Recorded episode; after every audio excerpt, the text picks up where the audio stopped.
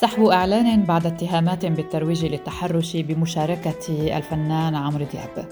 أثار مقطع من إعلان ترويجي لطراز جديد من سيارات شركة ستروين المصنعة للمركبات والذي تولى بطولته المغني الشهير عمرو دياب. أثار حفيظة الجمهور بسبب اتهامات بالترويج للتحرش بالنساء في بلد يعاني بشدة جراء هذه المشكلة ما اضطر الشركة العالمية على سحب الإعلان المثير للجدل. عن تداعيات هذا الإعلان وما أثاره من جدل وعن آفة التحرش إن صح التعبير وعن سلبياتها وعن العنف ضد المرأة بشكل عام والمرأة المصرية بشكل خاص. سنتحدث أنا وضيفتي الناشطة النسوية مي صالح من مؤسسة المرأة الجديدة في مصر في حلقة جديدة من بودكاست في 20 دقيقة. أهلا بكم معكم براء صليبي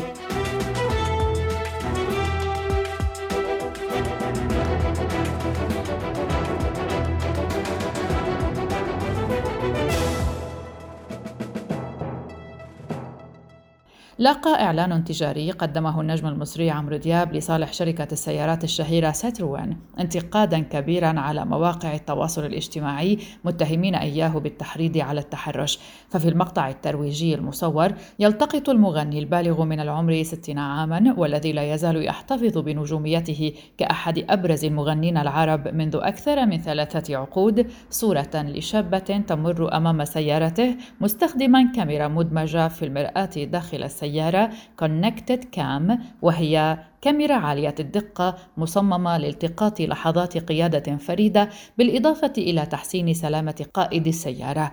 وفي هذا المقطع يظهر جليا أن المرأة الشابة لم تعطي موافقتها على التقاط صورة لها فضلا عن أن ما روج له يعتبر مخالفا للقيم الأسرية ويحث على التحرش لكن ذلك لم يمنع المغني من الابتسام خلال النظر إلى الصورة التي التقطها خلسة.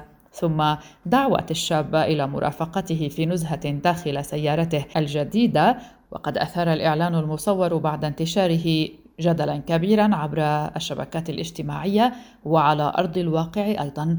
دفع هذا الجدل بالشركة إلى نشر بيان أكدت فيه أنها لا تتسامح مع التحرش بكافة أشكاله، مضيفة أنهم أي القائمين على إدارة الشركة يتفهمون التفسير السلبي لمشهد ظهر في الإعلان، وقالت الشركة في البيان الذي نشرته عبر حساباتها في مواقع التواصل الاجتماعي إن ستروين تحرص على مشاعر جميع المجتمعات التي تعمل بها. ولذلك اتخذنا هذا ما يقوله القائمون على ستروين اتخذنا قرارا بسحب هذه النسخة من الإعلان التجاري من جميع منصات التواصل الاجتماعي ونتقدم بخالص اعتذارنا لكل من شعر بالاستياء من هذا المشهد.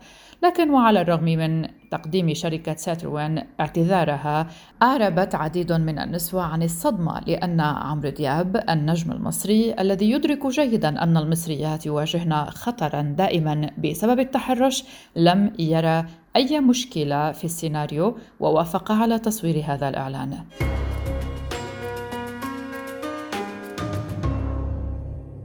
لوقت طويل كان الحديث عن موضوع التحرش الجنسي يعد من المحرمات ويجب الا يتم التطرق إليه إلى حد أن استخدام كلمة تحرش دخلت حديثا قاموس التداول الاجتماعي. وكان موضوع التحرش من التابوهات حتى في المجتمعات الغربية حيث كانت النساء يتحفظن عن الحديث عنه لأنه يعرضهن للأحراج خصوصا أن أغلب الحالات تأتي من زملاء مقربين تعمل النساء معهم أو حتى من الأقارب والمدراء في العمل. ونشطت في الآونة الأخيرة جمعيات وحملات إعلامية كثيرة تجمع النساء والفتيات على البوح وتحطيم حاجز الصمت المحيط بظاهرة التحرش الجنسي لا سيما بعد أن تبين حجم تفشي هذه الظاهرة بحيث لا يمكن السكوت عنها أو التظاهر بعدم وجودها. الخطير أن هذا الأمر كان يحدث يوميا أمام أعين الجميع ولكن ولنقص التوعية كانت بعض النساء إما يصمتن اعتبارا منهن أن ذلك طبيعي في مجتمع ذكوري متسلط أو تهان خوفا من خسارة مركز أو وظيفة أو استحياء منهن تحت تسميات العيب والحرام الموجودة في المجتمعات العربية مثلا علما بأن ظاهرة التحرش الجنسي تشمل الرجال أيضا. ضيفتنا الناشطة النسوية مي صالح من مؤسسة المرأة الجديدة المصرية سألناها عن أساس الجدل القائم حول هذا الإعلان هل أصبح المجتمع واعيا إلى هذه الدرجة؟ وإذا فرضنا ذلك لماذا يستمر الفنانون أو الشركات بارتكاب هذه الأخطاء؟ طبعا الإعلان الخاص بالمطرب عمرو دياب واللي كان بيسوق فيه لإحدى شركات السيارات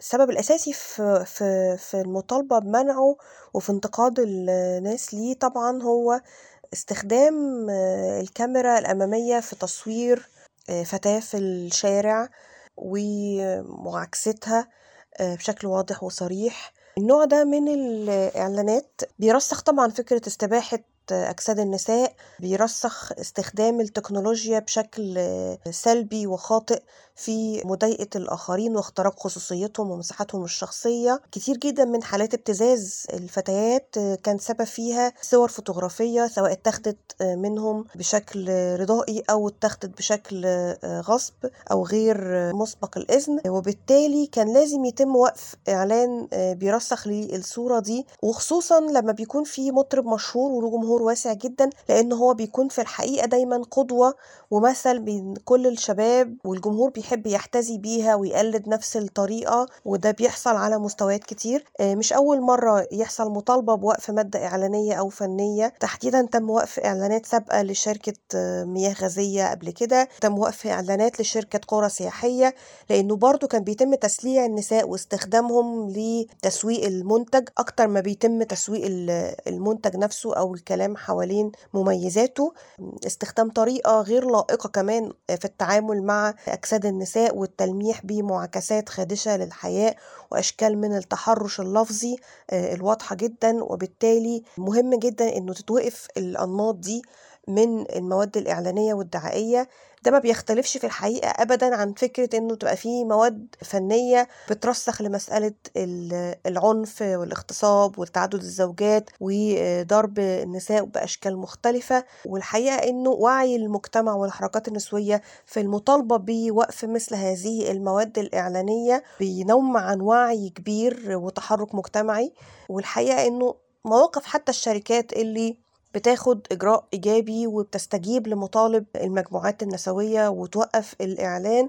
هو كمان الحقيقة بينم عن شجاعة واستجابة للمطالب وإدراك لمكون المسؤولية الاجتماعية للشركات أيضا. مصطلح التحرش الجنسي. ظل غير معلوم للكثيرين خارج الدوائر الأكاديمية حتى بداية التسعينيات وعندما أدلت أنيتا هيل وهي السيدة التي اعتذر منها الرئيس الأمريكي جو بايدن بعد ثلاثين عاما والتي كانت ضحية تحرش جنسي عام 1991 من قبل كلارنس توماس المرشح للمحكمة العليا في الولايات المتحدة. المتحدة حينها واستجوبتها اللجنة البرلمانية التي كان يقودها بايدن في ذلك الحين بعدوانية.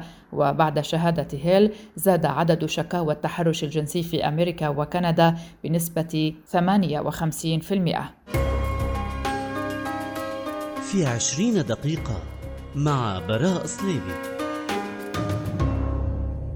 بحسب إحصاء أجرته مؤسسة تومسون رويترز عام 2018 يقول إن نسبة انتشار التحرش اللفظي تصل إلى 29% أما الجسدي منها يصل إلى 18% كما سجلت مصر أعلى معدلات التحرش في العالم العربي حيث وصلت نسبة التحرش بالنساء إلى نحو 90% خصوصا الفتيات التي تتراوح أعمارهن بين السابعة عشر والثمانية وعشرين عاما أما نسبة تعرض الرجال في مصر للتحرش فهي تصل إلى 27% واعتبر التقرير أن القاهرة هي أخطر مدينة على النساء وجاء المغرب في المرتبة الثانية في نسبة التحرش الجنسي للنساء إذ وصلت النسبة إلى 89% ونسبة التحرش بالرجال في المغرب 16%.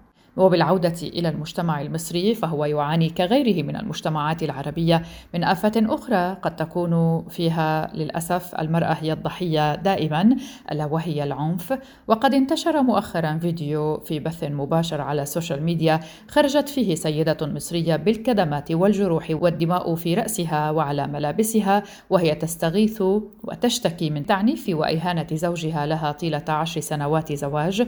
كان يمنعها خلالها من النزول إلى المحال التجارية وكان يضربها على أتفه الأسباب وحين قررت الانفصال عنه هددها هولع فيك هشوه وشك بمية النار. لنستمع إلى جزء مختصر مما ذكرته مريم عاطف شاكر صاحبة الفيديو الذي بث خلال الأيام الماضية على السوشيال ميديا وأخذ كل هذه الضجة. أنا متجوزة من عشر سنين عشت عيشة الجواري. هتقولوا لي انت ليه وافقتي؟ قبلت بكده علشان خاطر كنت بصدق المعتقدات المتخلفة بتاعت بيتك وولادك وانت هتدمري كده عيالك وما ينفعش ان انت تنفصلي. الفضايح وكلام الناس وانت لسه صغيرة ومعلش تحملي كل الناس بتتحمل علشان عيالها. وقلت أبقى زوجة صالحة أخلي بالي من بيتي وعيالي. أنا كنت عايشة في سجن. أنا ما كنتش بطلع البلكونة. كان ممنوع عليا أطلع البلكونة. كان ممنوع عليا اتصل بالسوبر ماركت. عيب. يسمعوا صوتك في التليفون ده منتهى السفالة وقلة الأدب. وافقت وقلت بكرة يتغير. بكرة يبطل إدمان. ربنا يغيره يعني. في ناس كتير كانوا وحشين كده واتغيروا. لكن لقيت إن أنا بعد ما استحملت عشر سنين إن أنا للأسف ولادي أصبحوا مرضى نفسيين. لما بيشوفوا أمهم بتتضرب وبتدهان وبتتبهدل قدامهم. والحمد لله أنا عشت عشر سنين عند بيت جوزي. هو بيت عيلة. بشهاده أهله اللي كانوا شايفين أنا بيحصل فيا إيه. كانوا بيقولوا لي انت اطلبي النجدة يا بنتي. انت هتعيشي كده إزاي؟ مامته وباباه واتحبس قبل كده في قضية سلاح وحاجات كتير يعني. قلت لا هحبس أبو ولادي يعني. ده أنا معايا أربع أطفال. كبير فيهم عنده تسع سنين. فضلت قاعدة مصدقة في الكذبة لغاية لما وصلت إن هو بيرفع عليا المطوة يحطها على رقبتي ويقول لي هموتك. ولما يخنقني من رقبتي لغاية لما روحي تبقى بتروح. خلاص بقى أنا مش عارفة هو ده مريض نفسي بقى. ورحت المستشفى يعني ده كده بعد الإسعافات اللي عملوها لي في المستشفى. فمن حوالي 3 شهور قلت له لا أنا خلاص مفيش حاجة تخليني أستحمل كده أنا عيالي بتروح مني وإحنا لازم إن إحنا نبعد. وأنا واخدة القرار ده وإنت لازم تبعد يعني لازم تبعد. طبعا هو مرضاش وكان بيضربني وبيكتفني وبيبهدلني. المهم بعد في مرة هو خرج رحت قفلت الباب وغيرت المفاتيح وقلت له لا أنا مش هعيش معاك تاني خلاص أنا بموت. كان كنت بقوم من النوم ألاقيه ماسكني من رقبتي بيخنقني وهيموتني. وخد ابني مني غصب عني خطفه من الشارع ومشي. قلت خلاص تمام أنا مش عايزة أعمل مشاكل ومش عايزين محاكم ننفصل زي الناس المحترمين. لكن هو مش ما قبلش بكده وكان بيتصل بيهددني واقف لي قدام باب الشقة. أنا هولع فيكي أنا هخطفك هتشوفي أنا هعمل فيكي إيه. أنا مش هصرف على الولاد دي أنا هرجعك مذلولة. جينا النهارده نزلت ولادي كانوا محتاجين لبن. عندي ابني الصغير عنده سنة ونص وبنتي عندها ثلاث سنين. نزلت أشتري لهم لبن من تحت وأنا طالعة من السوبر ماركت. الكلام ده كان الساعة عشرة ونص 11 الصبح تقريبا. بحط المفتاح في باب الشقة. لقيته واقف لي قدام باب الشقة قعد يضرب فيا. فضل يضرب فيا لغاية لما دمي ملا السلم كله يعني. وبعد كده سابني ونزل يجري وسرق مني مفتاح الشقة. وبعدين هتفضل حق الستات كده رايح؟ وجيت النهارده بالليل المفروض ان أنا نازلة أنزل النيابة لقيته جايب لي ميكروباص محمل بلطجية. قال لي لو نزلتي الشارع أنا هرش على وشك ميه نار وأنا هموتك. أنا مش طالبة حاجة من الدنيا إلا إن أنا أربي ولادي في أمان. فين الأمان؟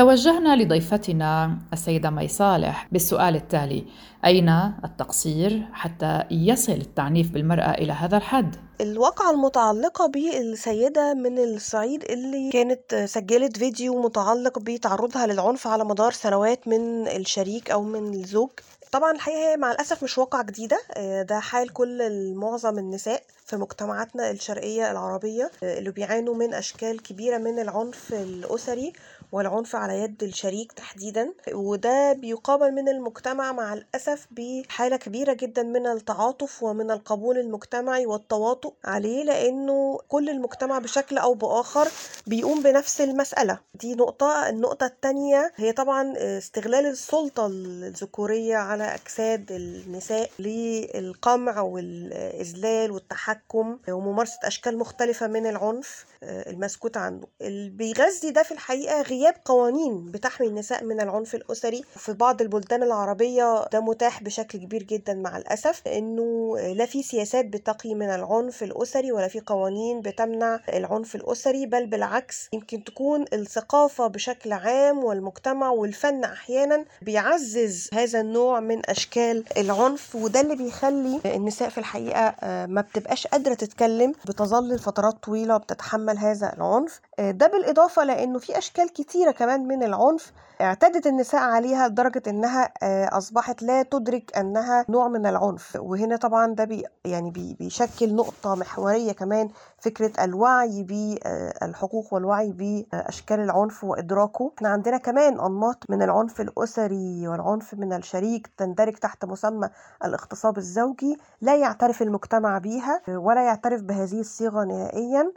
ففي أشكال كتيرة جدا من أشكال العنف بتقع على النساء. المسألة طبعا المحورية هي فكرة غياب التمكين الاقتصادي. معظم النساء بتتحمل حتى المدركات منهن لأشكال العنف الواقع عليهم بيتحملوا وبيستمروا في هذه الحياة فقط لأن ليس لديهم بديل اقتصادي ليس لديهم أمان مادي ليس هناك أماكن لاستضافة المعنفات وبالتالي بتظل تتحمل هذه الإهانة وهذه الأشكال من العنف نظرا لأنه لن ينصفها أحد في المجتمع ولن تجد مأوى آخر تذهب إليه. نضيف إلى ذلك إشكاليات متعلقة بأماكن السكن والإيواء لأنه من الصعب في مجتمعاتنا الشرقية أن تحصل النساء على أماكن خاصة بالسكن أو استئجار مسكن خاص أو أو حتى امتلاك مسكن خاص. من الصعب اقتصاديا نظرا لأن معدلات تأنيس الفقر موجودة في مجتمعاتنا العربية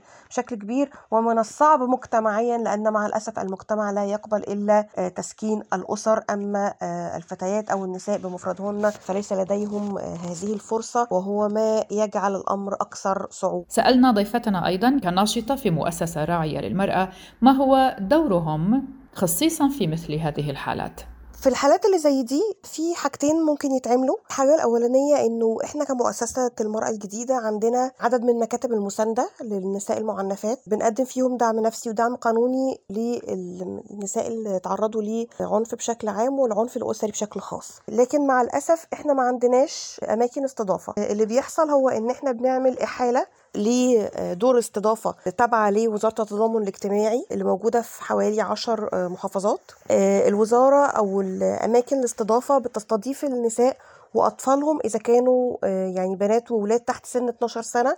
لو الأولاد فوق سن 12 سنة بيتم ايداعهم في أماكن استضافة أخرى لأن طبعا دي استضافة نساء فما بيكونش بسهولة وجود يعني أطفال ذكور فوق سن 12 سنة. فده بيحصل. معانا دليل بأماكن الاستضافة دور استضافة من الوزارة. عندنا تنسيق معاهم. لو في إشكاليات متعلقة كمان ب الأطفال نفسهم إحنا عندنا تنسيق مع المجلس القومي للمرأة والمجلس القومي للطفولة والأمومة وخط نجدة الطفل.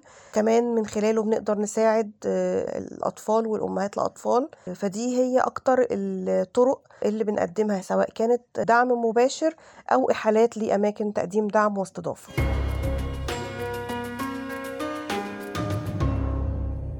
تتعرض واحدة من ثلاث نساء وفتيات للعنف الجسدي أو الجنسي خلال حياتهن ويكون في معظم الأحيان من قبل الشريك بحسب تقرير للأمم المتحدة في نوفمبر تشرين الثاني 2019 اثنتان وخمسون في المئة فقط من النساء المتزوجات أو المرتبطات يتمتعن بحرية اتخاذ قراراتهن في شأن العلاقات الجنسية واستخدام وسائل منع الحمل والرعاية الصحية. 750 مليون امرأة حول العالم تزوجن قبل بلوغهن سن الثامنة عشر في حين خضعت 200 مليون امرأة وفتاة لتشويه الأعضاء التناسلية ما نسمع عنه تحت مسمى ختان الإناث. واحدة من كل اثنتين من النساء اللاتي قتلن في العالم على أيدي الشريك أو أسرهن في عام 2017 بينما قتل واحد فقط من بين 20 رجلا في ظروف مماثلة. 71% من جميع ضحايا الإتجار بالبشر في العالم هن من النساء والفتيات وثلاث من أصل أربع من هؤلاء النساء والفتيات يتعرضن للاستغلال الجنسي. انتهت حلقة اليوم من بودكاست في 20 دقيقة. كنت معكم براء صليبي شكرا لكم لطيب الاستماع. إلى اللقاء.